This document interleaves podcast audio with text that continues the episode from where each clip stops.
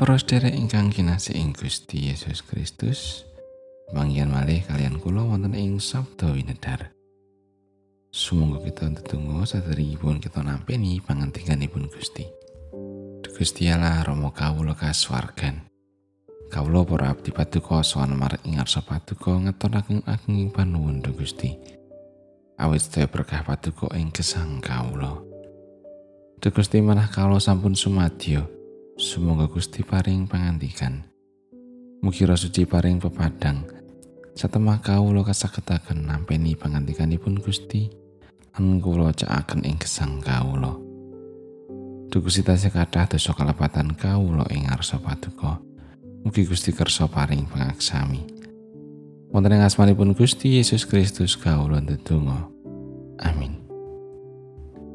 Wawasan kapendet saking Yohanan bab itu ayat tigang doso pitu ngantos tigang doso songo. Barang dina wekasan ya iku nalika gedhe-gedhe ning riyaya mau.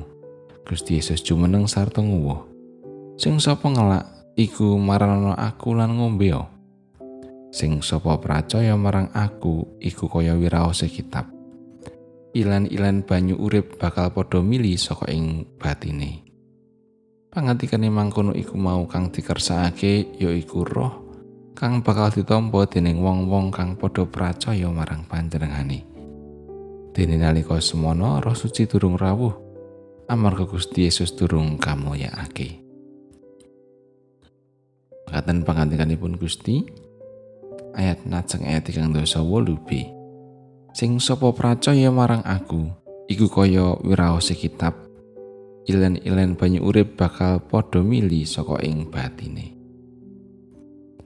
Nalika samono Nyi Putri Galuhwati lan Pangeran Jayakusuma katundung saka kraton Majapahit. Awan wengi mlaku mangulon ratas alas gung liwang-liwung. Ing sawijining dina nalika nembe nerusake lagu, Nyi Putri Galuhwati ngrasakake ngelak kepengin ngombe. Pangeran Jayakusuma senalika ndudut keris pusakane kang aran Kyai Panu Biru saka warangkane lan dicencepake ana ing lemah. Nalika keris mau ditutut saka lemah nalika metu banyu kang seger kanggo ngilangi rasa ngelak. Dening warga sakiwa tengen papan kuwi banjur ditengeri kanthi aran banyu urip. Amarga mulate banyu kang marakake awak dadi seger lan dadi urip. Mangkono kuwi legenda babat desa banyu urip kang ana ing tlatah Purworejo. Banyu kang seger pancen bisa nyarasake. Bisa ngilangi rasa ngelak lan ndadekake kang ngombe banyu iku bisa nerusake urip. Kuwi kanggone badan wadak. Lah kanggone karohanan kepiye? Sabtu dalam Gusti ngendikake. Sing sapa percaya marang aku iku kaya wiraose kitab.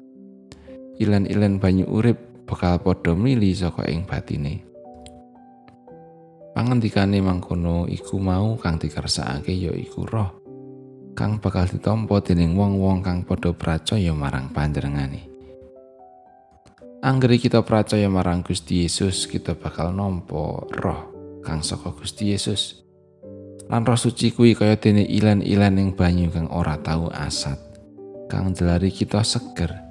Jalari kita urip. Awit iya roh suci iku kang nuntun awake dhewe supaya bisa urip cunduk karo karsane Gusti. Awake dhewe ora bakal bisa urip bangun turut marang Gusti menawa ora katuntun dening Sang Roh Suci. Amarga roh suci iku ora maksa awake dhewe kudu manut panuntune. Awit awake dhewe kuwi duwe kamardikan kanggo milih. Arep nurut nalika dituntun roh suci apa arep banggel lan gugu karepe dhewe? Miturut panjenengan apike ingkang kepriye? Amin.